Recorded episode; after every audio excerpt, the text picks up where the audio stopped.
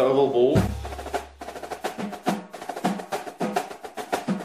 Shotgun. Murray out of the pocket. Seven seconds. Six seconds. Murray heaves it downfield. It is. Oh, it's caught. It is caught. DeAndre Hopkins. Miraculous. I play in the NFL. I think I play in the NFL. I think I play in the NFL.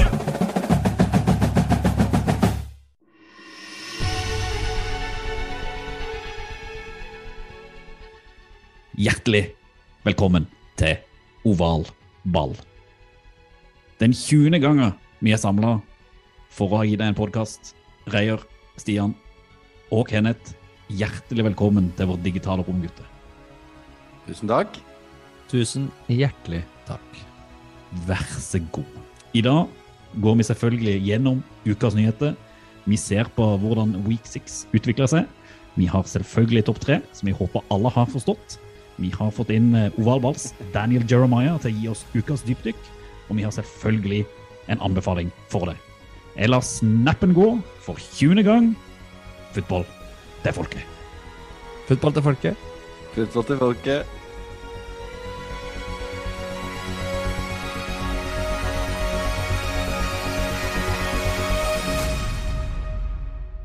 Nå begynner vi å kunne skryte på at ikke vi er podkast-rookie, i alle fall. 20. gang vi setter oss ned og podder. Det, det føles jo eh, litt som rutine, og litt skummelt ennå. Ikke, vi, er ikke, vi er ikke rookies, vi er fortsatt nek. Det er vi. Men vi er kule. jeg kan, jeg vil ikke si at vi, vi har runda det ennå, men uh, begynner jo på en måte å få det til, kan vi si det? Kommet rundt første, vi har kommet rundt første sving. Absolutt. Mm. Uh, Reier, du driver jo med litt annet òg. Du er jo denne av oss som har et sånt uh, litt større akademisk alibi og en viktig stemme når det gjelder andre ting også. Hva er det du har funnet på nå siden sist? Nei, altså, jeg har ikke gjort så veldig mye forskjellig av det jeg har pleid å gjøre. Jeg har sittet i den stolen jeg sitter nå, prata i denne mikrofonen jeg prater i nå, og brukt det webkameraet jeg bruker nå, bare at jeg har ikke gjort det med dere. Jeg har gjort det med TV 2. Da er det utro. Utro. Utro. Yes, det er helt riktig. Nei, det har jo seg sånn at jeg har jo hatt en sånn der sidegeskjeft eh, hvor jeg da, før jeg fikk barna selvfølgelig, så hadde jeg så mye tid. Så da fant jeg ut at jeg skulle Tid er bare- relativt. Ja, tid er relativt. Jeg skulle bli Norges fremste eh, ekspert på Saudi-Arabia. Liksom. Ja, hvorfor ikke? Så det holdt jeg på med i nesten ti år. Dukka litt opp på NRK og TV 2 og Urix og P2 og holdt foredrag og gud veit. Og så har jeg vært Snikskryt engang, det her. Nei, nei, dette her er skryt. Herregud. Ja, ja. Det er bra, det. frivillig arbeid. Ja. Så ikke tjent noe penger, men jeg har tjent masse kred. Men så er det jo da sånn at nå så ble jeg ringt opp her av en TV 2-person som lurte på om Du, jeg har googla litt, grann, så fant jeg ut at du kan jo litt om Saudi-Arabia, og vi skal ha en spesialsending om Newcastle og at uh, denne klubben er overtatt av dette oppkjøpsfondet til, til Saudi-Arabia. Og spurte om jeg kunne være med da på nyhetskanalen og være med på en Newcastle-spesial. da.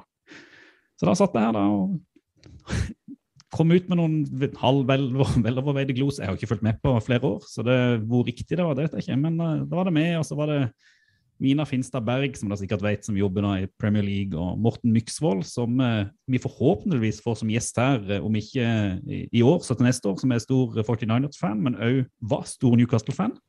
Som er kommentator i BT.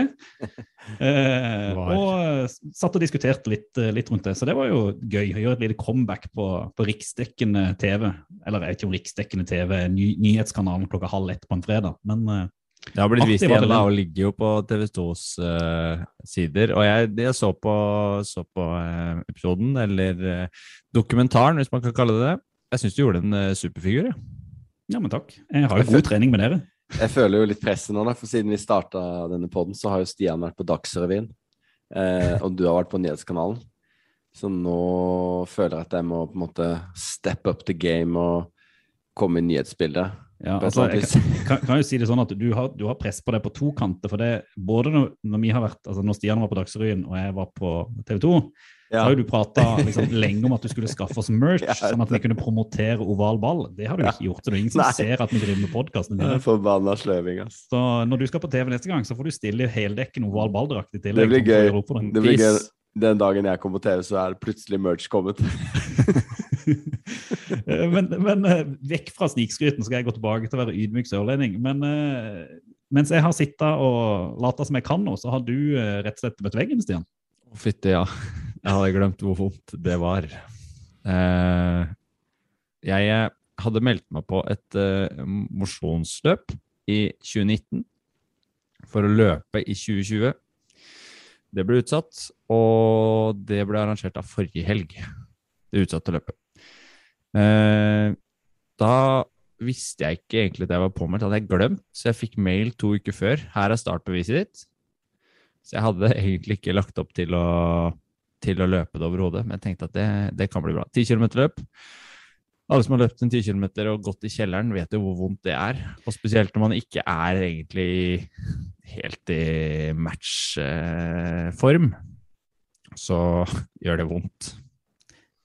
Den kan jeg skjønne. altså. Jeg har eh, aldri vært i matchform, men har prøvd meg på et par tikilometer, og det gjør eh, Det er jo ikke bare vondt, det er jo jeg skal, altså, det er masse banneord etter hverandre. Ja, Nei, det var sånn man gikk ut i et tempo som man ikke var sikker på om man kom til å holde. Ganske sikker på at det kom en sprekk, og det gjorde det.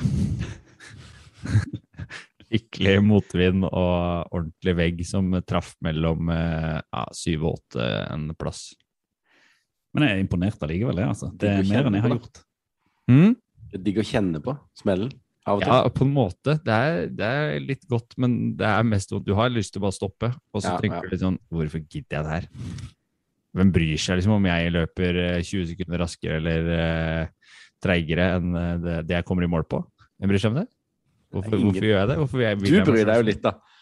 Ja, litt. Men hvorfor vil man seg sjøl så vondt, egentlig?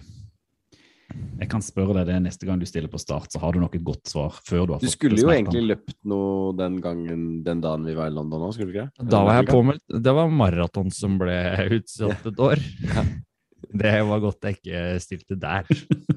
Vi hadde en liten maraton i London isteden. Det var fullt av det. Ah, men det må sies at det å stille opp til maraton utrent, det er verre enn å stille på en 10 km utrent. Det vil jeg tro. Eh, apropos, altså, møtt veggen, tur til London, eh, til hverdagen. Hvordan går det med det da, Kenneth? Eh, Var du- var du i London det, igjen? skjer, det skjer litt. Ja, jeg var i London igjen. Jeg glemte å si det til dere. Eh, nei da. Nei, vi, jeg hadde faktisk eh, I helga så har vi, vi vært på hotell. Vi er med i en, eller annen, en sånn forening lokalt her. Så hadde vi en samling med familie, en sånn familiehelg, da. Eh, og det som skjedde, var at min eh, yngste datter hun har vært litt småsyk. Så på fredagen så gikk alt galt når hun skulle legge seg. Så det endte med at jeg kjørte hjem med henne eh, kvart på tolv. Eh, altså kvart på midnatt på fredag, natt til lørdag. Og gikk tur i vårt eget nabolag eh, til halv to. eh, før jeg fikk lagt henne inn i senga si. Og sov igjen til klokka seks. Og så tilbake på hotellet. Så det var en litt røff start på den helga, men det gikk eh, bedre. gikk bedre etter hvert. Da hadde jeg sånn liten, liten joggetur i nabolaget sånn på nattestid. Det var gøy. Og fant ut at det er en nabo har et orgel som han spiller på på natta. Så det var sånn skikkelig sånn kirkemusikk som dominerte ut av denne huset. Sikkert ikke så rart siden vi er på Sørlandet, men det føles litt rart likevel. Alle har et orgel Ja, på Sørlandet. kanskje, jeg vet ikke. Det er jo litt stas. Istedenfor at du opplever det. bass, bassmusikken, så er det liksom orgelpipa du hører klokka halv Ja. to. som Ja, eller er piano. Har ikke du piano? Ja, vi er flygel, da, men det er klart Ja, at men det er jo, det er jo det er ikke slags orgel. orgel. Nei, Det er ja, altså. orgel. Ja, det, det er godt det skjer noe på, på hver kant. Og så må jeg si at det er deilig at du for en gangs skyld nevner sykdom. Jeg føler jeg har hatt sånn her enerett på akkurat den eh, strofen her i ovalball, så nå deler vi Bodø. Det, det er veldig fint. Eh, apropos dele. Eh, vi må jo få lov å takke alle der, der ute som deler både synspunkter, tanke og ideer rundt eh, både det vi driver på med, og NFL. Ja, det er konge. Konge. det er helt fantastisk. Og så har det jo vært sånn at dere har vært i London, jeg har skrudd av, så vi har jo rett og slett litt dårlig til å sjekke mailen vår, men det skal vi selvfølgelig gjøre hver eneste dag framover. Men eh, vi må liksom ha en liten, en liten shout-out Jeg håper ikke si noe du ikke kan love nå. jeg skal, prøve å holde, iallfall. Til Kim Kristoffer Schulstok, som sendte oss en mail for et, for et par uker siden og ga oss veldig mye skryt, og det setter vi jo utrolig pris på. At han syntes det var liksom utrolig kult å få en, en podkast om NFL eh, etter denne her Viasat-podkasten som gikk for noen år siden slutta, og syntes vi var kjempeflinke. Det eneste han hadde et lite issue med, det var at det hørtes ut som at vi prata med litt dempa stemme. Og det gjør vi jo, fordi at vi alle sitter jo her etter leggetid og prøver ikke å vekke barna våre. Men vi skal, vi skal gjøre vårt beste med å dundre opp lyden litt, sånn at han ikke trenger å presse øreproppene så langt inn i ørene at han får ørebetennelse av å høre ovalball. Det er litt over kanten. Men tusen takk for, for det. Eh, har noen andre innspill, så må dere bare sende de til oss på ovalballpod på Instagram, Facebook eller Twitter, eller selvfølgelig på kontakt at ovalball.no, hvor jeg lover å sjekke og gi dere et svar òg når vi har lest eh, mailen.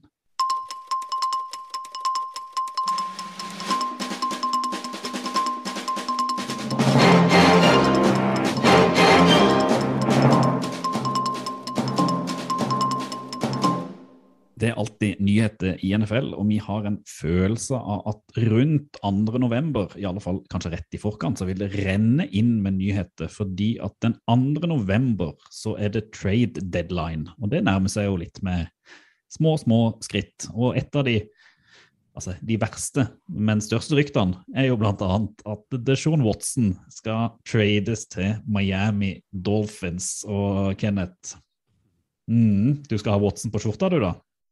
Nei, det skal jeg ikke. Eh, Da blir det heller å kjøpe eh, Texans drakt med Tua, for jeg antar jo at i en sånn type trade så vil han gå andre veien. Dette var jo noe vi hørte om allerede før sesongen. Litt sånn hvisking rundt det. Mm. Men uh, jeg, ja, jeg har vanskeligheter for å tro at noen tør å gjøre det. Men på den annen side, han er jo Han kunne jo egentlig spilt nå, ikke sant? Han er ikke på Commissioners exempt list eller Så det er jo en meget, meget eh, spesiell situasjon, men det virker jo ganske rart å skulle trade for han uansett, da. Det, det kan jeg ikke skjønne at noen skal gjøre det, men eh, ja. Det går jo Miami-rykter. Det gjør det. Vi får uh, sette oss litt inn i både trade-rykter og noen spådommer, så kan man jo følge med på nettsidene våre sånn når det nærmer seg 2. november. Mm. Så For, fordi vi har jo tenkt til å lage en liten liste. Det skal vi Kanskje gjøre. Li- Vi er glad i 10 lister. Topp 12 eller noe sånt. Mm. Ja, Topp 13. Topp 13 kanskje. Ja. Ja. Mm. Og hvor, vi tror og hvem vi tror skal gå, gå hvor. For det er jo mange lag Ja. som har, eh, har behov, og mange lag som har spillere de kan trade bort for å få litt bedre draftkapital til, til neste Mm. runde. Så det syns jeg dere skal følge med på ovalball.no når det nærmer seg 2. no- november. Men litt sånn korte, korte nyheter. Én trade er jo gjort. Ertz er har gått til Cardinals. Jepp, de trada til seg Zack Ertz fra, fra eh, Philadelphia Eagles. Og Zack Ertz har jo vært en eh, solid eh, spiller i Eagles. Og det tror jeg Cardinals fikk, eller trada bort et fjerde- eller femterundevalg pluss en litt ukjent forsvarsspiller. Men Urge spilte på torsdag, ikke? Jeg tror det. Han Og har så siste ble han matchen. trada på, på fredag, nesten. Jep. Ja. Så fistbumpen til eh, skal vi si vakta i spillertunnelen på vei ut eh, der til siste matchen. Det var tydelig at det var klart før kampen, men at det var avgjort at han skulle spille. Ja. Ikke sant? Kult. Du så på storyen hans på, på Instagram. Ah. Så Eh. det er jo en god signering, tenker jeg, av, Cardinal, som, som fortsetter på en måte å styrke dybden i stallen sin, og, og eh, seiler jo opp til å være en eh, Jeg vet ikke helt hva jeg skal kalle de, men de er jo virkelig i slaget, da. Det kommer jo tilbake til De er jo en Superbowl-kandidat, er de ikke det? Ja, ja, ja, ja. Jo, jo, jo. De er det nå. Når du er 6-0, så er du det. Du må være det da. Mm. Men før vi, før vi dykker hodet ned i gryta, så er det jo dessverre litt skade denne runden òg. Og eh, hva er kanskje de viktigste skadene å nevne for folket, som, kanskje, som ikke har kanskje fått med seg alt denne, denne runden? Vi kan trekke frem eh, Dawson Knox, Titan i Buffalo Bills, som har brekt et bein i hånda. Gjorde det i kampen mot Titans eh, natt til eh, i eh, dag. For oss tirsdag, når vi spiller inn. Selvfølgelig. Eh, Broncos eh, pass rusher Bradley Chubb har eh, skada ankelen. Og usikkert om han starter neste match. Han har vært på injured reserve siden Eller han har ikke vært Jo, han har vært på injured reserve siden 22.9. Så vi lurer på når han er tilbake. Han er en viktig spiller for eh, Broncos. Eh, I tillegg så har eh, en av våre draft eh, mentions, Caleb Farley, han skal ha røket ACL. Mm. Så han er ute en stund. Eh, Tennessee Titans-spiller. En annen Tennessee Titans-spiller som måtte gå av nå, var Julia Jones, som skal ha skadehamstringen igjen. Så han er ute. Og vi kan trekke fram et par til. Eh, Baltimore Ravens, All Pro left tackle Ronny Stanley, han er ute for sesongen med operasjon i ankelen. Og det er jo en eh, virkelig smell for eh, Ravens og Lamar Jackson. Da. Mm. sin jakt på Superbowl. Jeg så mener jeg å høre, hørte at uh, McCaffrey nå er satt på injured reserve. Mm. Mm. Uh, han har jo Ute ikke vært det. Mm. Og der, når, man, når du er på den lista, så er det vel ute automatisk i tre uker. Og han har jo vært Mm. ute en stund allerede. Mm. Så det er jo litt kjipt for eh, Panthers. Akkurat det.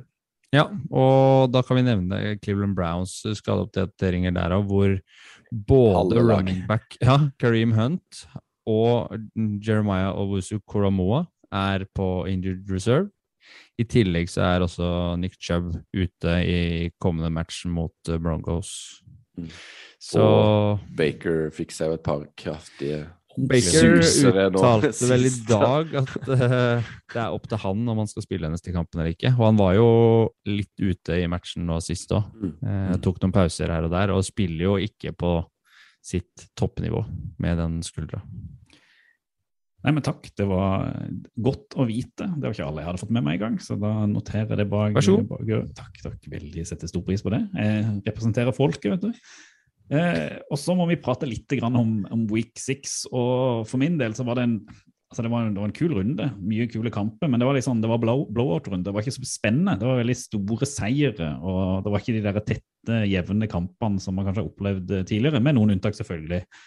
Og en av disse blowoutene som nesten overraska meg litt, selv om jeg visste at de var gode, det var jo at Chargers fikk komplett bank av Lamar og Ravens. Altså, det var, det var ikke bare litt sånn slapp på sida, det var rundhjuling fra start til slutt.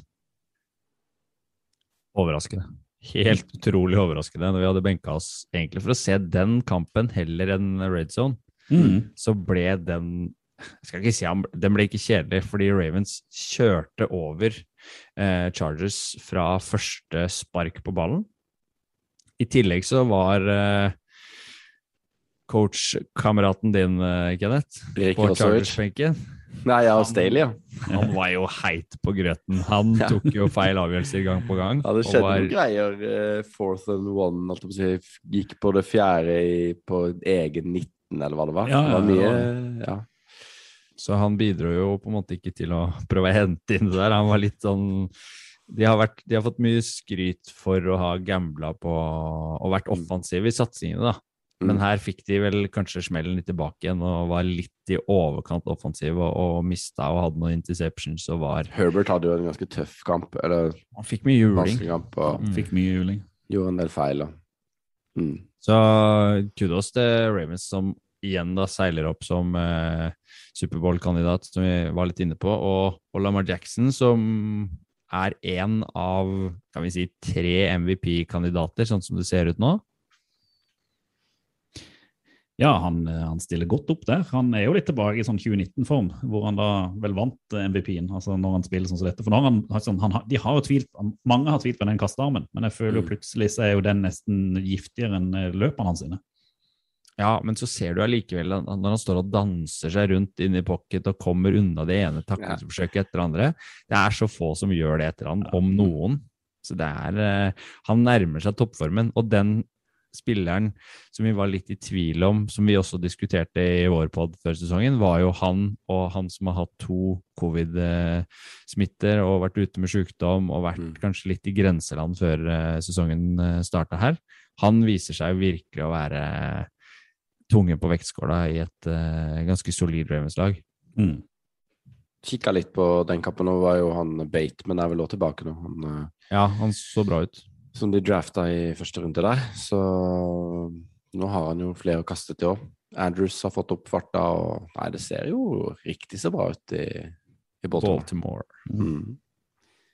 Eh, Og så var det, det var jo mye blowouts, og jeg hadde jo, jeg skal ikke prate om tipping, da, men jeg hadde jo tippa at Cowboys skulle knuse eh, Patriots så mye at de skulle slippe å spille overtime for å ta den kampen, men der tok jeg jo selvfølgelig feil, for der ble det jo mye, mye tettere enn man hadde trodd. Eh, Cowboys var vel rett og slett både heldige og dyktige som dro den i land eh, og egentlig kom seg til overtime i det hele tatt. Eh, var dere overraska over at det ble så jevnt?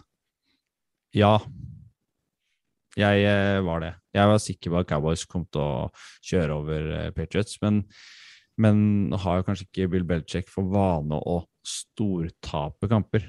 Han er jo flink til å gjøre det andre laget dårligere, og han gjorde jo på en måte det i den matchen her òg. Men jeg har hengt meg litt sånn oppi at han og det har jeg faktisk lest av flere eksperter eh, som har bedre peiling enn oss, da, på at han ikke gir Mac Jones nok ball, nok å jobbe med, nok eh, tillit i eh, litt avgjørende situasjoner, han. Som Mm. der hvor Chargers, som vi har vært inne på, f.eks., gir Justin Herbert gode muligheter til å få til spill, så kjører eh, Belichick ofte det safe valget. Eller alltid det safe valget, og det ser ut til å gå utover mulighetene deres til å vinne matcher, da. Men Mac Jones ser jo unektelig veldig bra ut, da. Selv om uh, Bill Belichick kanskje er litt konservativ, litt for konservativ etter vår smak, selvfølgelig, som er Mm. eh, gira på big place. Men jeg syns jo også at um, selv om Cowboys måtte ha overtid for å vinne, så, så er det et veldig morsomt lag å se på. De spiller gøy fotball. Ja, fantastisk. Og de, De burde vinner jo tatt, de burde jo tatt den Mm. tidligere, den matchen. De gjorde jo mye rart offensivt med, Mm. hvor de burde ha skåra poeng, men som de rota bort. Eh, så eh, Og så må jeg bare si Gjett en gang hvem som igjen fikk en interception der, da? eller? Han Diggs. er jo Altså, de har, de har jo på en måte De har jo Comeback Player of the Year-muligheter. De har eh, MVP-muligheter med Dac. De har eh, eh, han eh, rookie Parsons, ikke sant? Mm. Og de har Diggs, som kan bli defensive player. Altså, de har jo ekstremt gode enkeltspillere nå. Og de har Lamb, og de har kjempegodt running back-team. mm. De har eh, Amari Cooper Han Wilson gjør jo bare helt ut. vilt Ja. bak. Jeg har aldri hørt om han. jeg. Jeg vet ikke om jeg, jeg spilte han i fjor i det hele tatt. ikke sant? Altså, det er bare Nei, det Cowboys-greiene, altså. Det ser jo gøyere og gøyere ut. Og så er det jo litt gøy at det er nettopp er de, da. Americas team og alt det ståket rundt de, og Jerry Jones og også i Hard Knocks-sesongen de så, ikke sant? Altså, det kunne ikke blitt bedre, uh, Jeg jeg. tror det var på Twitter jeg så et bilde av Jerry Jones som uh, kyssa sin sønn på munnen etter uh, seieren nå mot uh, Patriots. Ja. Var, jeg tror det var NFL sin, sin offisielle Twitter-konto som en periode hadde bare skriva i bioen eh, 'Diggs intercepted our bio'. Det var Ja, alt som stod. Ja. Så det er liksom Nei, det, det, lukter, det lukter, kan lukte Superbowl der òg, hvis de bare fortsetter å, å avgjøre de kampene i sin favør, sånn som de gjorde her. Mm. Eh, to lag som jeg, vi må prate bitte grann om, for vi har pratet så mye om det tidligere, som jeg tviler på har noe i Superbowl å gjøre i det hele tatt, takket være at de sliter litt begge to på quarterback for tida. Det er jo Mm. Steelers og Seahawks. Og tro det eller ei, Big Ben, ben greide å dra i land en, eh, en seier. Eh, Gjorde det? Kan, kanskje ikke takka være han, men eh, de greide nå iallfall å, å ta Seahawks, som mangla sin stjerne quarterback. Det var vel kanskje TJ Watt som dro i land den seieren. Ja. Som skal tenke sånn enkeltpersonmessig.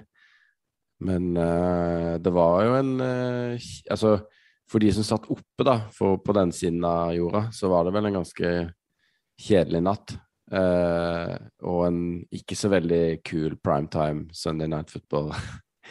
med, altså, med Hadde Russell Wilson vært med, så, så hadde det jo kanskje vært litt annerledes, men Nei, de vant vel jo, som du sier, fordi Seahawks ikke har noen ting når Russell Wilson er ute. Så jeg vet ikke. de, de får ikke noe spesielt skryt av sine egne liksom, skribenter eller, eh, eller fans, annet enn at de var fornøyd med en seier igjen, Steelers nå, da. Men Mm. uh, de så ikke noe sånn spesielt bra ut etter Skal vi kalle det en Steelers-standard, da. Det er jo to lag som det er litt spennende å følge med på hva som skjer med neste år, egentlig. For jeg tror jo ingen av de, Det er jo ikke sikkert noen av de går til playoffs en gang i år, men, men eh, begge to har jo åpenbare hull å, å fylle. Eh, og med Seahawks så er det jo spennende å se hva som skjer på trenersida. Kommer de til å fortsette det samme? Jeg kan ikke tro det, nesten. At de skal kjøre med det samme Pete Carroll-greiene og Wilson Altså, jeg tror det blir en videre med en av de. Og så har du Steelers, da, hvor du har eh, Big Ben som jo er nødt til å legge opp snart, og hvem skal ta over der? Det er jo ikke sånn at noen av de på benken der, altså Dwayne Haskins eller Mason Rudolph, ser ut som en starting NFL quarterback.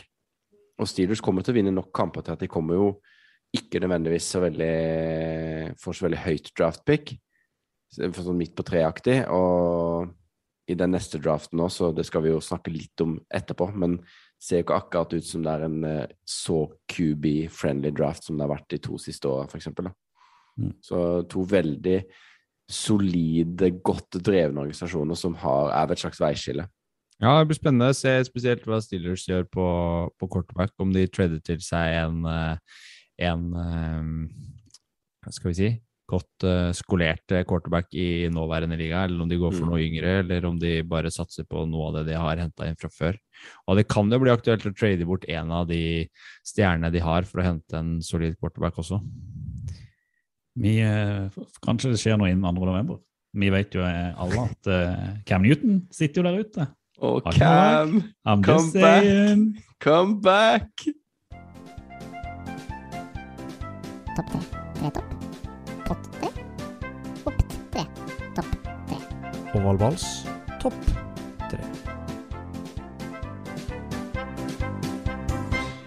Oval Balls topp tre-spalte står for tur. Vi har selvfølgelig forberedt oss eh, gjennom hele uka for å plukke ut de eh, beste, kuleste, rareste eller eh, stiligste øyeblikkene. Men eh, mens du prøver å åpne cola, Kenneth, og prøver ikke å lage lyd, så sender jeg mikrofonen over til Stian. Og du, Stian, du har selvfølgelig skjønt konseptet med at du har tre ting du har lyst til å ta opp, hvor du begynner på bunnen. Selvfølgelig har jeg skjønt det. Det er bare nummereringa på kjøreplanen her som, som blir feil. Så jeg er ikke helt Kenneth. Bare Bare nesten. litt. Bare litt. Bare nesten. Ja, nå ble det Jeg det. har egentlig satt opp, jeg har egentlig satt opp uh, uh, Monday Night fotballkampen som uh, mitt tredje høydepunkt. Det var et fyrverkeri av fotballkampen. Og det er, hvis jeg får trekke fram to av mine høydepunkter fra den kampen, så blir det en sånn jukse, et juksepunkt, da. Da Altså, jeg får masse kritikk for dette, at jeg ikke har skjønt det. Så stiller du med fem punkter, sier de er tre, og nå har du to på den første. Jeg vet ikke, ass. Det er to underpunkter, kulepunkter der. Han er lært. Vet du, trykker, du vet når du trykker på tabulator-knappen på Ja, ja. Jeg har lagd en powerpoint før. Det er greit. Ja, bra. Eh, for det første så syns jeg eh, Derrick Henrys 76, 76 yard touchdown da han løper inn han ser, Da er du tilbake i nesten den Michael Johnson-sprinten, for dere som husker eh, Mm. den løperen der. Og han ser altså ut som et godstog, da han bare feier gjennom forsvarslinja og løper fra safetyer og cornerbacks og alle som prøver å henge på. For en stjerne han er, altså. Når han er i form. Og han hadde to touchdown til den kampen, Ja. og var Titans største stjerne, og virkelig var med på å banke Bills. Og så syns jeg også trickplayet som Bills kjører på en two point conversion i eh, tredje quarter der, hvor, eh, hvor Allen tar imot snappen og bare overleverer til en running back, som overleverer til neste, og så sniker Allen seg opp i hjørnet innafor uh, endzone og tar imot en pasning. Helt nydelig. Titans-forsvaret aner ikke hva som skjer, og er totalt utspilt. Det var Det var så vidt han klarte å hive den. Ja, det var det. For det, når du ser den pasninga, det er ikke mye du går på. Nei, Det var akkurat som liksom- kulestøta den av gårde. Ja, Veldig rart at han fikk den oppgaven når det så så kl- klønete ut, men eh, det funka. Litt sånn eh, motsatt Music City Miracle-forsøk der. ja. Ja, det var jo en slags Philly versjon av Philly Special, eller Buffalo ja. Special, eller hva de kalte Og på- det var jo små marginer og som avgjorde kampen. Kan du bare ta med det helt på slutten? Hvor, Ja, for ellers måtte jeg si eh, det, for det er den Den- fourth and one på slutten der. Åh, og det er snakk om liksom millimeter før eh, Allen klarer å snike den over. Men kampen blir avgjort. Men når, du, må det er sånn, det må du bare, altså når du ser reprisen på den fourth and one, da, har du liksom, da får du forståelse for hva, hva bra defense egentlig betyr. Nå, nå husker jeg ikke hvem det var, men han, eh, han eh, forsvareren som bare stepper opp der og bare krummer nakken. Og Allen Mm. bare blir dytta tilbake. Han mister jo fotfestet, rett og Mm, slett. Og greier ikke få fram, eh, fram ballen. Vi skal legge ut eh, highlights til den kampen, så kan dere kose dere. Det var nydelig. Jeg hopper rett inn, for jeg har jo eh, på min nummer tre også en, en situasjon. Jeg har faktisk to ting på nummer tre når jeg, når jeg ser på det nå, men Kritiserer de du henger- Stian for akkurat det samme? Ja, eller? men mine henger mer sammen, selv om det er på forskjellige kamper. Det, det Du er, har jo laga powerpoint før. Ja, det handler om hjelm. Eh, og det er, jo, det er jo litt hjelmfokus av og til i, i, eh, i NFL. Og den, eh, den ene hjelmfokusen i denne, denne runden var jo Julio Jones sin eh, ganske helt crazy catch eh, på en ball som lander i hjelmen til Micah Hyde. Eh, spretter rett opp i været. Og Jones får tak i den eh, før den Eller han får for så vidt tak i den på utsiden av banen og klarer å sette den ene foten ned og ta en toe drag med den andre og holde den in bounce, da. Eh, så det også kan vi legge ut highlight på. Den er ganske kul. Jeg tror kanskje at det er en eh, interception, nei, en eh, pass interference for Hyde uansett. Mm. Men uh, For han, han ser ikke på ball og dytter jo Jones uh, når han skal ta den imot. Flagget men- blir kasta der. ja. Ja, det blir det. Men det, det, det, han er så ekstrem. Men han hadde eh, fortsatt Jones. rød sko. Ja, men han, han, det skjer jo ikke to ganger på én sesong, tror du det? Det er greiene som han var borti for Ja, close der, da. Men uansett, da, det var jo en annen hjelmsituasjon som var i Chiefs-kampen. Hvor da Chiefs sin spiller Tershawn Wharton Han da tar også tar en interception ved hjelp av motstanderens og sin egen hjelm. Han, han tipper liksom ballen i lufta, og så holder han den ned på hjelmen til motstanderen. Flytter den over til sin egen hjelm og faller bakover. Eh, og har en interception ved hjelp av hjelmen sin, da. Så eh, det var min nummer tre. Eh, hjelmfokus. Veldig fint. Eh, min nummer tre er rett og slett en sånn hyllest til, til disse her, altså til, til driven. Og spesielt disse driverne du får mot slutten av fourth quarter, hvor du har et lag som bare Det, det, liksom, det bærer eller brister. Sånn oftest så brister det. Men denne gangen så var det da Panthers som altså de, de hadde ingenting mot Vikings. Det var liksom, det var totalt dødt. McCaffrey var ute. eh, Darnold funka ikke, de hadde ikke løpespill. Det var liksom, de, de greide å få en pick six som gjorde at de plutselig da hadde litt ledelse mot Vikings, men Vikings kom tilbake og hadde egentlig kontroll på den kampen. Og så har de da en drive eh, i fjerde kvartal hvor de starter på egen Jeg tror det var to yard line, Sam Darnold. Eh, og kjører oppover. Jeg tror det var to fourth and long. Hadde vel en fourth and long inni egen Altså Ja, inni på egen, altså, Det var iallfall to fourth and long, liksom. og, så, Mm. og så kommer de seg helt opp, og så greier de jo altså, sånn, egentlig helt fantastisk å score en touchdown, som, som gjør da at da ligger de to poeng bak, og så må de òg ha en two, two point conversion for å greie å tie gamen og få overtime. Og så greier de pokker med det. Og det å da sitte foran TV-en og se kamp under en sånn drive, det er da jeg merker hvor mye jeg elsker amerikansk fotball. Du bare sånn, Alle bare girer opp, og du ser at de selvtilliten vokser hos spillerne, og det bare det umulig blir mulig. Og jeg elsker jo Sam, Sam Donald, jeg er veldig glad i Panthers. Selv om de tapte mot Vikings overtime, så er det bare da, da kjenner jeg liksom gleden vokse. Og derfor må den inn på, på min topp tre. Altså Ikke bare på two point conversion så, så får de ikke bare til, men han gjør det med en sånn shovel pass, Ja. som jo er ganske sånn Det er ikke den letteste pasningen å sende. Eh, og plutselig så er Sam Donald en helt annen enn han har vært de foregående 55 minuttene liksom, av, av, spilletid. Det er litt rart å se, men det er også veldig gøy, som du sier. Ja, det, det skjer jo av og til med disse siste Mm. driverne. Det er jo derfor det er så gøy liksom, på slutten av en kamp at du har eh, Det var ikke så mye witching hour i, eh, denne gangen, men det er liksom mye kan skje på slutten. Mye kan skje på slutten. Jeg eh, hopper til min nummer to. Og da fikk vi endelig se Vi snakka om en dansende Lamar Jackson i stad. Og vi fikk se, for dere som har sett, hvor fotrapp og smooth D-Hop, DeAndre Hopkins, wide receiver i Arizona Cardinals, er.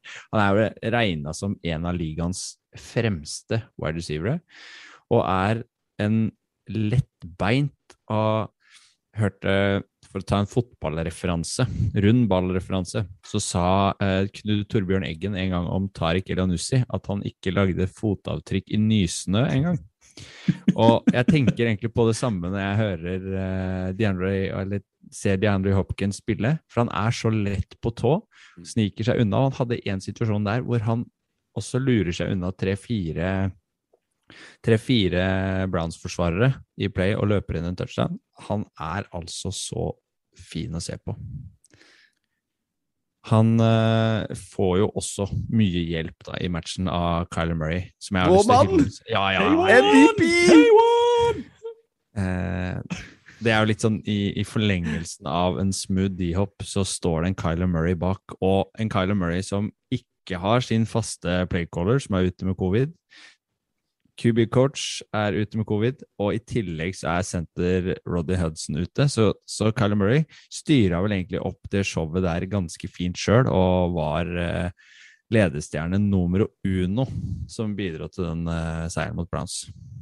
Vi må bare prate litt om hvor overlegne Cardinals var mot Browns når vi vel satt her for en uke siden og var ganske sikre på at dette her endelig skulle Browns vise at de var topplaget, og så blir de bare høvla over av På MVP hjemmebane.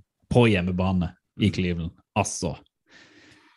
Ja, nei, eh, altså det, Helt det, sykt. det er helt sykt å se på. Det er jo Jeg er jo Jeg, jeg tror liksom ikke helt på hva, Jeg tipper jo Jeg sånn sier jo alle når vi for hver uke så er det sånn Nei, nå taper de. For det, det blir mer og mer sannsynlig.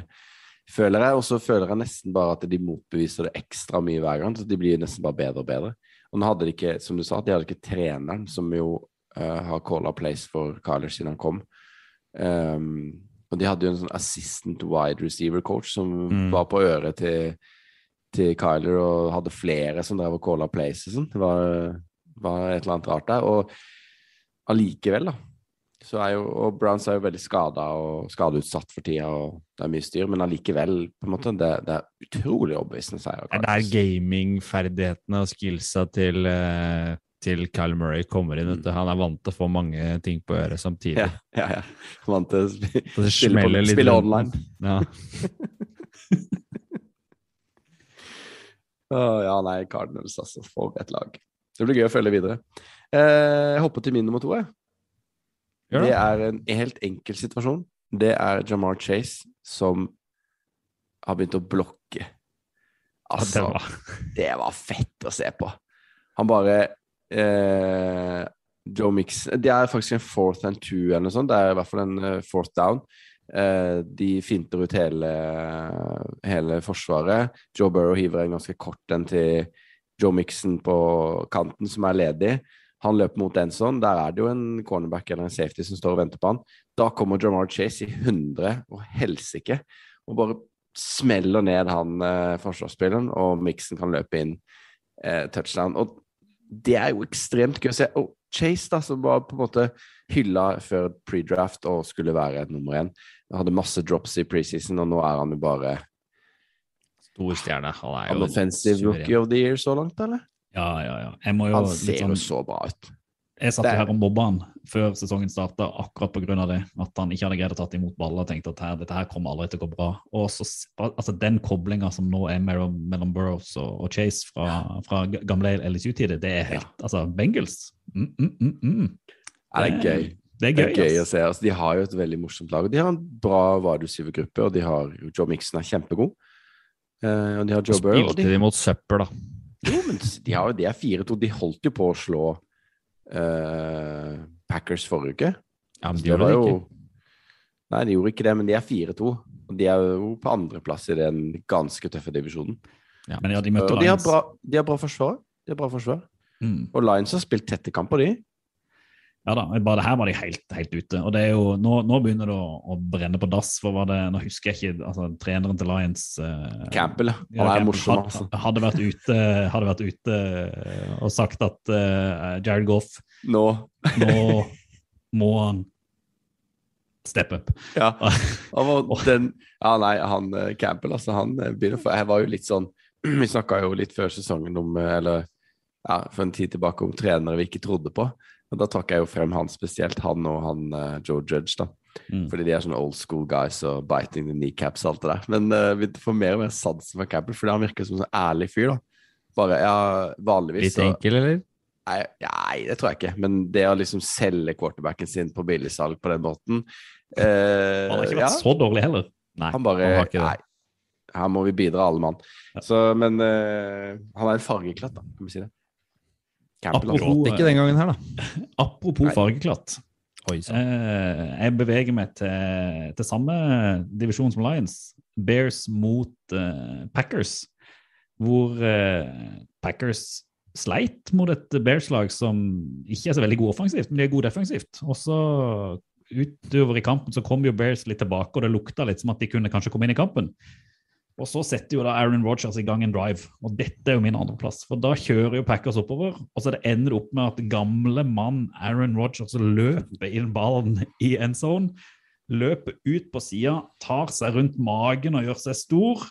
Og så plukker da mikrofonene opp mens han står der og, og hyler, hvor han da bare hyler opp til fansen. I still own you! I still own you! Med referanse da til at han har jo slått Bears 22 ganger nå på 27 kamper mens han har vært i, i Packers. Og Virka jo helt jeg, altså jeg elsker litt sånn banter. Og du kan si at taunting penalties kommer jo hele tida nå, men den type, det hører ikke dommerne engang. Så det er bare Og han tånte fansen, ikke spillere.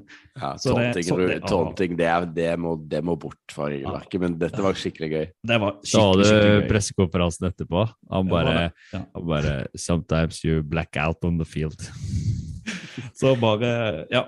Rogers ekstra stjerne i boka bare for at han er litt tøff i trynet. Jeg, Jeg føler det er sjeldent å se Rogers rope. Det tenkte jeg litt på. Jeg føler alltid liksom det er sånn der eh, yeah, mm, mm, Han er så så rolig. balansert. Ja. Jeopardy-programleder, og så her bare mister han det. Altså, Down, yeah. Gøy. Dritkult. ja. Uh, er det meg, da? Nummer én. Pleier å være det, vet du. Vi skal til quarterback-land fortsatt. Og bare at vi skal til kanskje noen som kunne vært sammen med Aaron Rodgers. Jeg vet ikke. Eh, mora til Patrick Mahomes. Kunne vært sammen med Aaron Rogers. jeg tenker alder, da. Jeg vet ikke. I still own you, mommy! Ja. Ja. Randy Mahomes var jo ute og tweeta, og det har jo ikke gått upåhakta enn. Hvor uh, et play hvor uh, Tyreek Hill da tar imot en veldig fin pasning, eller skal ta imot en veldig fin pasning fra Patrick Mahomes. Den eh, klarer han ikke å ta imot, og ender opp med å bli en interception. Og da klikker eh, Randy Mahomes og sier OK, people, that should not be an interception on the QB. That should be a fumble or anything else. Just putting it out there. Go Chiefs. Så vi mente at sønnen skulle ikke få discred for, eh, for at Terry Hill ikke kan ta imot ballen. Og kommentarfeltet koker jo eh, etterpå. Da er det jo uh, You should not be allowed to tweet og Just shut up. That family should just shut up. Det er ikke en måte på hvor mye tid hun får for det nå. Tyder vel på at hun er litt sånn utafor utafor eh, arket. Men hun har jo et lite poeng. Sånn i forhold til at uh, de, de uh, interceptions her, de blir jo på en måte registrert på quarterbacken uansett om det er eh, noen andres feil. Så de tallene kan jo være litt feil å lese hvis man bare ser på statsheeten. Jeg synes det er morsomt at det er moren som går ut og nevner det, og ingen andre. Har hun vært aktiv på Twitter før, du som følger mødre? Følger familien tett. ja. mødre. Se og Hør-korrespondent. Hele familien er aktiv der, eh, Kenneth. De er glad i sin eh, Patrick. Du får, du får gå inn og retweete fra Oral Ball sin konto om ikke du allerede har gjort det. Så folk kan få lov å se hvordan du Vanlig med Holmes til folket. Ja. Jeg hopper over til min nummer én. Eh, og han heter Matthew Wright. Og han tror jeg ingen hadde hørt om før denne helga. Eh, han er jo da kickeren til eh, Jacksonville Jaguars, som eh, fikk være med til London. Eh, og det, her er det sånn, jeg tenker litt sånn hvem, Hvor mange er det som reiser egentlig til London? Og jeg får jo følelsen av at også practice squaden drar over. Fordi han ble jo elevata, altså henta opp fra practice squaden dagen før de spilte kampen. Hvis jeg har forstått de siste de artiklene som jeg har lest, da riktig. At de fant den på gata i London. Ja, han er fra, han er fra England, fra London.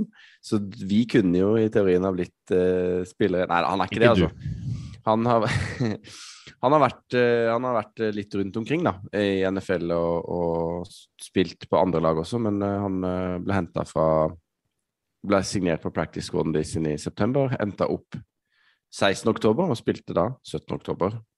Og ble jo da den viktigste spilleren til eh, Jaguars med en gang.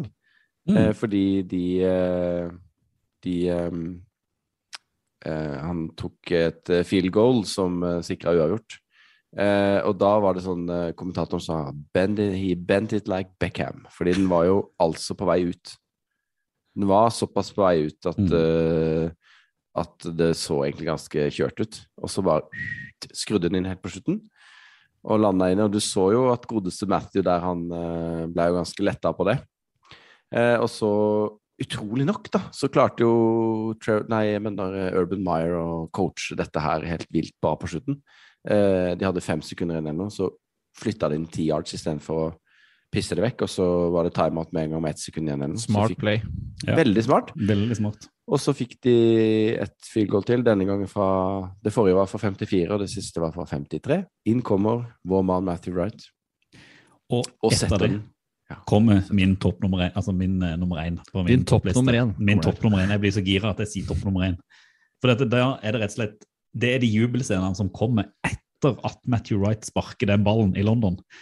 Altså, det er jo, nesten litt vondt at det var ikke den kampen dere var på. Eh, fordi er at eh, det å se de Jacksonville-spillerne som vel ikke har vunnet på 390 dager i NFL, Mm. gå totalt bananas. Fansen på tribunen som har sett en ganske bedriten kamp med mellom to ganske bedritne lag, får liksom oppleve den ordentlige spenninga på slutten hvor det fullstendig eksploderer. og jeg kan av og til føle i NFL-kamper, selv om det har vært ekstremt tett og jevnt, når kampen er ferdig, så er det sånn så kommer man bort og så klapper man hverandre på skuldra sier ja, good game. Ja, rrr, rrr, rrr. Men her var det sånn vi har vunnet VM-stemning. Altså, man, altså, man løp jo rundt der, og det var fullstendig ekstase. og liksom, Du begynner NFL-søndagen med at du liksom får se kampen, og så avslutter du med de scenene der. Da merker jeg at nå da gleder jeg meg til resten av NFL-søndagen, når det begynner sånn.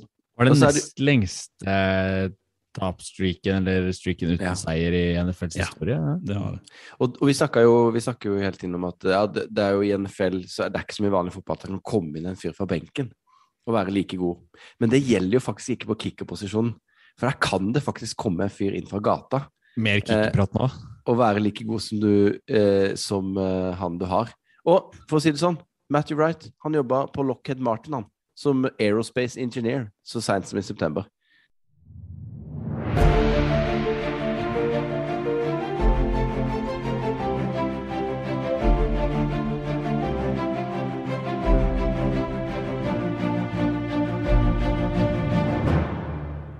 Oval Balls Daniel Jeremiah, eller Sander Daling som han liker å kalle seg sjøl, har denne uka levert et nytt mesterverk på ovalball.no, hvor han da har eh, lagd en power ranking ut fra alle rookie QBs som er drafta i draften i 2021. Den kan dere gå inn og lese på ovalball.no, og en som har kikka på den, er jo selvfølgelig det, Stian.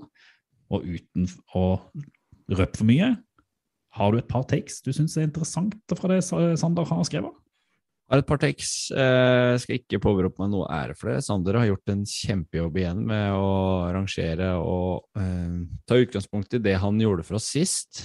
Han har stålkontroll på quarterbacksa og har egentlig satt opp en liste som jeg syns er vanskelig å være helt uenig i. Eh, for eksempel så har vi en ny nummer én som kan Oh. være interessant å, å se litt på eh, som har gjort det sterkt.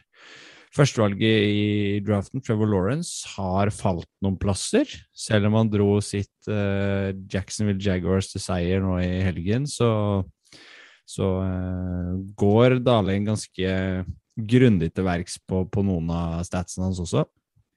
Det er ryddig.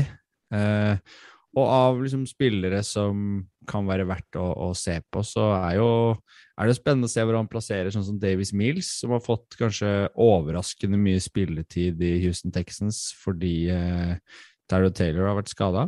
Mm. Hvor også, plasserer han han? Og så kikker han jo òg litt grann fremover mot eh, draften i 2022, og det er jo litt interessant er uten å avsløre for mye der heller. for Vi vil jo gjerne at jeg skal gå inn og lese på ovalball.no. Kenneth, hva Nevn en liten ting som eh, Sander drar frem som han tipper kan være 2022-trenden for draften. Ja, altså, han, eh, han tenker jo Eller skriver, da, at uh, han tror at 2022-draften vil være mer defensiv orientert da, enn den uh, som var i 2021. Uh, og det er jo Vi følger jo bitte litt med på college, og vi har jo sett at det har vært varierende prestasjoner, bl.a. Q-quarterbackene. da. Han skriver litt om det også. Uh, og så, ja, det er uh, en del spillere her som dukker opp, navn som ikke har hørt om, som jeg gleder meg til å dypdykke litt på etter hvert. Så jeg håper jo også at uh, vi kan få Sander med i en episode om ikke altfor lenge, hvor vi kan begynne å tease litt opp mot draften i 2022. Jeg regner med at vi kommer til å kjøre Mox og sitte oppe, som vi gjorde i år også. Nei, hva skal du se på? Hva skal du se på? Rundens utvalgte. Nå har vi prata mye om uka som var. Nå vender vi blikket fram mot uka som kommer. Og selv om det er noen buys, så er det jo masse gode kamper som går i NFL i week 7. Og vi har prøvd å plukke ut de tre kampene vi mener er mest interessante i den runden som går. Og Kenneth, du har fått den store æren av å peke på Oval Balls første kampanbefaling i week 7. Og det er og hvorfor? Ja, altså Det er jo Føles jo litt som en sånn uh, tung uke, dette her. Altså, det var ikke mye sånn voldsomme, tøffe oppgjør å bryne seg på. Men jeg har hoppa på tidlig søndag med Bengals mot Ravens. Uh, Hausa jo Bengals uh, litt i starten av sendinga, eller i stad. Og, og Ravens har jo sett bedre og bedre ut. Uh, meget spennende oppgjør. og for Bengals er jo dette Hvis de vinner denne, da har de jo på en måte Det er, er sesongdefinerende. Men hvis de taper den, så er de på en måte kanskje ikke så farlig heller. Mens for Ravens eh, så så det er jo ikke en must-in for de heller, for de er jo 5-1. Men eh, det er jo en kamp som de tradisjonelt sett ikke kommer til å tape òg. Så det er jo på en måte veldig sånn spennende å se. Så er det jo et divisjonsoppgjør. eh, så det var min Og så er jeg jo veldig glad i hele Bengals sin offensive gjeng, da. Så jeg gleder meg til å se dem. Enig. Godt, godt valg. Spennende å se det offensive mot Bengals sitt eh, forsvar, og vice versa. Eh, Men eh, for sånn siste Alle er vel enige her om at Ravens er, er ganske stor favoritter, men Bengals har en ganske kul outsiderposisjon ut fra den sesongen de har hatt. I den kampen? Nei. Det er jo klink hjemmeseier, det der. Ja, ja, det er greit. Jeg, eh, har lyst til å tippe Bengals, men jeg skal ikke, skal ikke gjøre det. Eh, Jeg har troa på Bengals. Jeg tror jeg Ravens vinner, men jeg har troa på Bengals. Eh, Mitt valg det handler litt om to lag som fikk snudd sesongen sin litt den forrige runden. Altså, De har uh, slita litt. Titans, som har tapt mot altså Jets, og så, og så drar de til i samme divisjonsrival og slår Bills. Og Chiefs, som har slitt, selv om de har vært tippa som et av de beste lagene, eh, men greide da å endelig snu en kamp og vinne over Washington. Og dette er en kamp jeg føler kan gå hvor som helst. Eh, Chiefs burde i utgangspunktet være favoritter, men Titans har vært steingode mot gode lag i år. Har vært dårlige mot dårlige lag. Så her altså, Jeg har rett og slett ikke anelse hvor den kampen går. Alt avhenger vel av hvor god Derrick Henry er, og hvor få interceptions Chiefs kaster. Uh, greier de å uh, unngå interceptions, og de greier å stoppe løpespillet til Titans, så tror jeg de tar den enkelt. Men hvis de ikke greier å skjerpe seg offensivt og være like dårlig defensivt som de har vært i hele sesongen, så kan det godt være at Titans tar hjem denne her og tar liksom en kjempeskalp i week 7 også. Så det tror jeg er en eh, spennende tidlig kamp å følge på, på Red Zone. For der tror jeg det kan bli mye poeng, og ganske artig å følge med på. Mm. Jeg tror du Tror du egentlig at uh, det blir hjemmeseier der altså? Jeg har ikke anelse. Jeg, jeg, jeg ble så overraska over at Titans to Bills. Og når de greier å ta Bills, så kan du ikke utelukke at de kan ta et mye mer ustabilt Chiefs enn et Bills som har sett mye mer stabil ut. Så jeg ville, at skulle jeg tippa, så hadde jeg nok tippa på Chiefs, men eh, jeg synes Men da hadde vi alle tippa Titans. Uh... Det hadde jeg gjort, for det vet jeg, jeg kan ikke tippe. Men det er jo en Det lukter jo shootout. Ja. Lukter jo Mm. sånn 37-33, liksom. Altså bra med poeng. Uh, Chiefs sitt forsvar er jo ikke akkurat Det lukter jo Derrick Henry-show, eh, tenker jeg, den kampen der, da. Og så er det spennende å se om eh, Det er klart Titans eh, med og uten bra wide receivers, det har mye å si. Ikke sant? Hvis, de, hvis de aldri kan hive ballen, så er det jo vanskelig for Henry òg, men hvis det er Julio Jones og AJ Brown spiller begge to, så får de plutselig litt mer plass til å løpe òg. Da Ja, det glemte jeg for å nevne i stad, for det, det var ganske stilig å se hvordan uh, Tannehill fikk, eh, fikk litt bedre tid når Derrick Henry var på banen, og hadde vært en ganske god trussel tidlig. Og hvis Mm. de får til samme oppsettet som de gjorde i kampen nå mot Bills, så må Chiefs passe seg litt. Du tipper kongen, Stian. Hva er det du Ja. har valgt ut av Jeg syns det var litt vrient. Eh, på én side så, så er jeg interessert i å se hva 49ers har fått ut av bye week, og fått hvilt litt. Men jeg tror nok at mitt valg eh, kommende søndag kommer til å være Texans borte mot Cardinals. Egentlig fordi jeg er interessert i å se om Cardinals Vi har snakka jo om de sist, om de klarer å dra i land de kampene som de absolutt må vinne. Og dette er nok et sånt potensielt bananskall som, eh, som Kyler Murray og gjengen kan gå på. Eh, jeg er egentlig interessert i å se om de klarer å kjøre. Nå ble eh, Texans feid av banen av Colts i runden som gikk nå. Og et Colts-lag som har vært sånn middels eh, til nå denne sesongen. Og Cardinals har vært helt på eh, toppnivå og vært det beste laget. Og kjempegøy å se på offensivt. Virkelig sånn livlige og kreative og lekne i angrepsspillet. Og hvis de får til det samme mot Texans, så lukter det nesten sånn rekordsifre. Eh, men vi vet jo alle at eh, ballen er oval, og eh, det kan bli eh, Klasse. Cup er cup. Kanskje. Ja. ballen er oval, cup er cup. Det er jo Det her blir Cardinals-seier, burde bli. Det er skuffende at ingen av oss velger Jared Goff Bowl, eller Matthew Stafford Bowl, da, eventuelt. Uh, Ja, Lions Rams. Mm. Nei, men jeg jeg skjønner ikke at du velger den kampen i det hele tatt. Men uh, det er greit. Det er jo, blir jo 50-0. Nei, men altså, jeg, jeg synes det er interessant, for det trodde man jo når de skulle møte Jags, og da sleit de jo. Så det er jo liksom, Cardinals har slita litt i de kampene hvor de er sånn åpenbare favoritter. Så jeg håper nesten at det blir 50-0, for da har de endelig tatt steg og kan være et topplag, istedenfor at Jeg de skal venter rote litt på seg at det bort. skal skje. da. Det hadde Mm. vært skikkelig morsomt å kunne sitte og se en sånn kamp eh, for en gangs skyld, Mm. Med Kyler Murray show. Det er det beste jeg har hørt. Dette er gøy. Det der, det er fett. Oval ball anbefaler. Football til folket innebærer alltid en anbefaling. Og denne uka eh, har vi dratt inn i podkastverden, eh, Stian, eh, og dratt fram en av dine favoritter. Skal vi? vi Podkastverdenen er vi glad i. Vi befinner oss i den sjøl. Det er for mange podkaster. Det er for mange podkaster. Det er for mange podkaster. Det er helt Du enig. kan, men det er fint å veksle litt på, da. Ja, For du kan bli Absolutt. Ja, oss blir du sikkert lei av, ikke lei av, men, men andre. Så kan det være greit å, å bytte litt på. Og en podkast som jeg syns man burde sjekke ut, det er The PFF NFL Podcast med Steve Palazzolo og Sam Monsen. De tar utgangspunkt i å bli backa av eh, Pro Football Focus, som er liksom unike på datainnsamling og eh, formidling hva gjelder NFL, og egentlig analyserer alt og rangerer alt og har gode, gode analytikere som ser alle matcher og prosesserer masse data. Nå er ikke vi Vi, vi kan snakke mer sånn fantasy og data på Patrion, selvfølgelig, men, men i alle fall når det gjelder eh, når det Du er på en hårfin linje nå, ja. Jeg er Enig i det. Hører det. okay.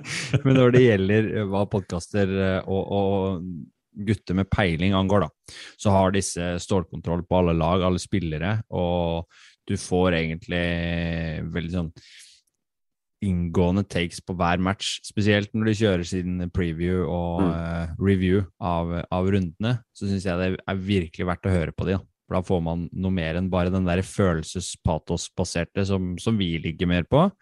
Og her får du, får du tallenes tale. Ovalbanen.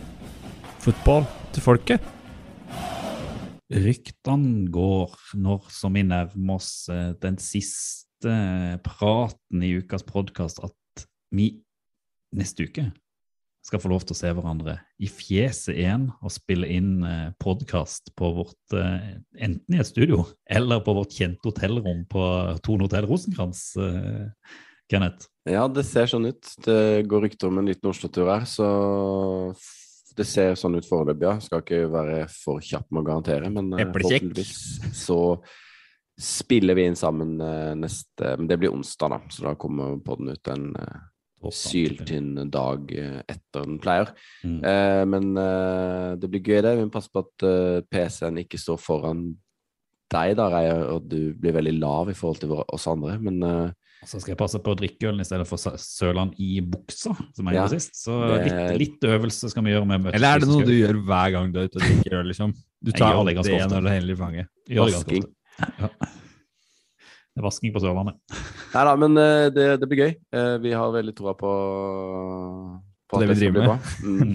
At det skal bli bra. At jeg skal klare å komme meg til Oslo, og at dere skal klare å komme dere inn til sentrum fra the mighty suburbs. Det skal vi kunne greie for Det Vi håper iallfall at vi kan få møtes fysisk og få kjørt en, eh, en, god, en god gammel Nå er- begynner vi gammel, for nå er vi oppe i 20 episoder. Oval Mm. ballpod mm. neste uke. Har dere eh, der ute noen innspill til ting dere ønsker vi skal ta opp, så er det jo bare å skyte inn en melding eller noe på ovalballpod på sosiale medier, eller send oss en mail på kontakt ovalball.no. Og så er vi jo utrolig glad for om dere gidder å gå inn og rate oss i din podkast-app. Og jeg har hørt rykter om at det har vi eh, fått litt av i det siste, og det er vi jo evig takknemlige for. Det er vi. En, noen som har skrevet en must-listen for alle som elsker amerikansk fotball. Endelig en ressurs for oss i Norge som vil holde oss oppdatert. Og med masse emojis. Så det liker vi. Det, Det liker vi å lese. Uh, men hvis noen er negative, så er jo på en måte det lov å gjøre Det kan dere sende på mail. Ja, for den leser vi bare annenhver uke. Men, uh, men gi oss gjerne fem stjerner, eller hva det måtte være av god rating i din uh, favorittpodkast. Ja, og om du hater, så kommer jeg til å fortsette med dette uansett, fordi at uh, det er livet vårt som vår- Det. Det er dritgøy. Men fram til vi sitter med øla i hånda og ligger skjult uh, bak en PC og ikke høres på mikrofon neste uke, så uh, takker jeg for eh, vår eh, jubileumssending, selv om 20 ikke er et sånt kjempejubileum. Eh, og football til folket. Football til folket. Fotball til folket. Do the Titans have a miracle left in them in what has been a magical season to this point? If they do, they need it now. Christie kicks it high and short. Going to be fielded by Lorenzo Neal at the 25. Yeah, give it Pitches to- it, back to Wycheck. He throws it across the field to Dyson. He's got something. 30, He's got something. 50. He's got it. 40, He's got it. 20, 10. He's got it. five, End zone. Touchdown Titans. There are no flags on the field. It's a miracle. Tennessee has pulled a